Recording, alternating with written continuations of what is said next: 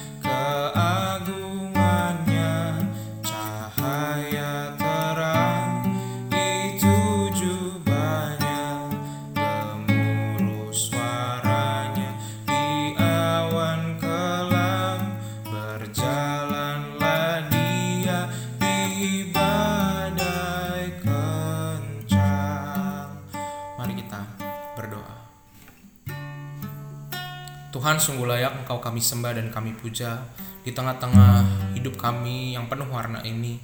Sehingga biarlah Tuhan kami terus menyembahmu bukan hanya ketika kami beribadah hari Minggu tetapi kami menyembahmu bahkan di setiap tindakan yang kami lakukan. Kami menyebut namamu sehingga biarlah Tuhan engkau yang sungguh layak disembah menyertai kami menjalani hidup ini. Terima kasih Tuhan kami serahkan dalam namamu. Kami berdoa. Amin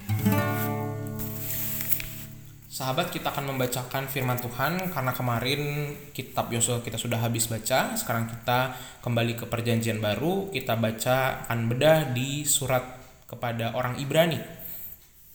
Kita baca Ibrani. Kita baca kitab Ibrani pasal pertama, ayat pertama hingga yang keempat. Ibrani pasal pertama, ayat pertama hingga yang keempat. Ibrani pasal 1 ayat 1 sampai 4 demikian sabda Tuhan. Setelah pada zaman dahulu Allah berulang kali dan dalam pelbagai cara berbicara kepada nenek moyang kita dengan perantaraan nabi-nabi, maka pada zaman akhir ini ia telah berbicara kepada kita dengan perantaraan anaknya, yang telah ia tetapkan sebagai yang berhak menerima segala yang ada. Oleh dia Allah telah menjadikan alam semesta. Ia adalah cahaya kemuliaan Allah dan gambar wujud Allah dan menopang segala yang ada dengan firman-Nya yang penuh kekuasaan. Dan setelah ia Selesai mengadakan penyucian dosa, ia duduk di sebelah kanan yang maha besar di tempat yang tinggi. Jauh lebih tinggi daripada malaikat-malaikat, sama seperti nama yang dikaruniakan kepadanya jauh lebih indah daripada nama mereka. Bapak Ibu dan Saudara, surat Ibrani ini adalah surat yang diberikan oleh salah satu rasul Tuhan kepada orang-orang yang berasal dari Yerusalem, orang-orang yang berasal dari Galilea, orang-orang Yahudi yang tersebar di mana-mana yang sudah uh, mengikut Tuhan Yesus.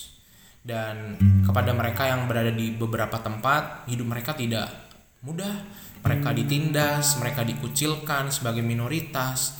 Tetapi surat ini menjadi penguatan agar mereka ingat tentang nenek moyang mereka dalam kitab ini bicara banyak soal umat Israel, tokoh-tokoh Israel, tapi juga ingat bahwa sekarang mereka tidak hanya orang Israel tetapi juga pengikut Kristus.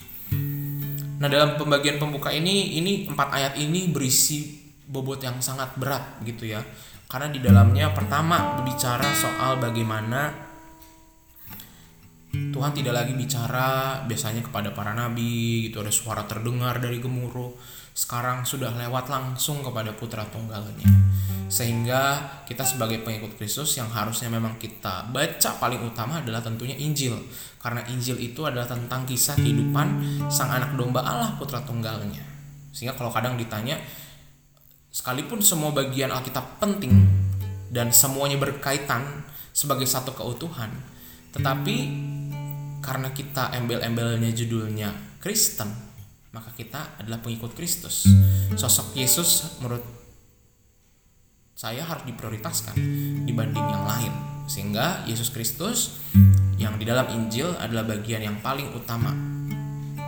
Sehingga kita sudah seperti tidak seperti dulu lagi harus menunggu harus ada ramalan dari nabi-nabi, nubuat-nubuat. Kita sudah bisa berelasi dengan Allah Bapa melalui putra tunggalnya. Dan kita bisa lihat bagaimana putra tunggal itu sudah sejak ada sejak mula. Nah, ini tentang Tritunggal.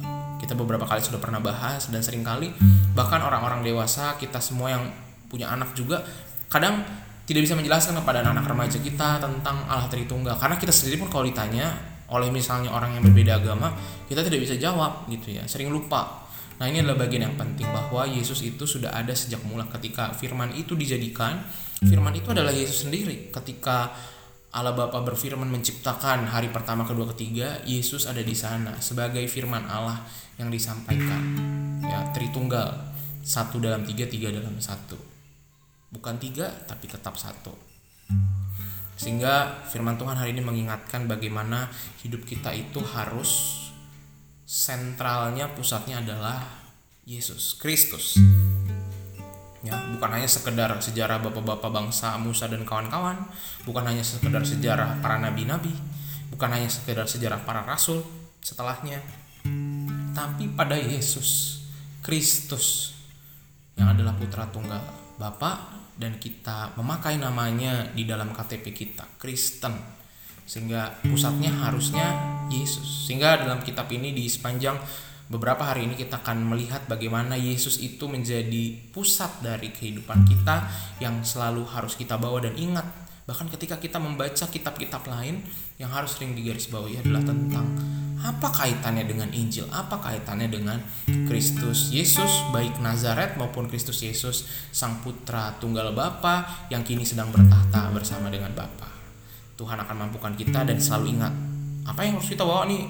Kisahnya kok Pak Andre tentang teologi berat banget. Apa yang perlu kita lakukan? Ingat tadi. Semuanya harus berpusat pada Yesus. Lagi makan ingat Yesus. Lagi bekerja ingat Yesus. Lagi ada masalah sama keluarga ingat Yesus. Pusat hidup kita adalah Yesus. Tuhan mampukan kita. Amin. Mari kita berdoa. Tuhan terima kasih hari ini kami belajar tentang bagaimana seharusnya hidup kami dipusatkan pada Yesus. Kami punya sejarah budaya dari nenek moyang kami. Kami punya pengalaman hidup dari pekerjaan kami. Kami punya banyak kitab-kitab tulisan-tulisan tentang Allah Bapa keyahudian, tentang rasul-rasul, tapi yang perlu kami ingat, kami adalah pengikut Yesus Kristus yang lahir di Bethlehem, yang disalibkan, mati dikuburkan dan bangkit dan naik dan pada satu saat nanti akan kembali bersama-sama dengan kami. Terima kasih Tuhan, biarlah hari ini kami pusatkan hidup kami hanya dalam nama Yesus Kristus kami berdoa. Amin. Tuhan memberkati.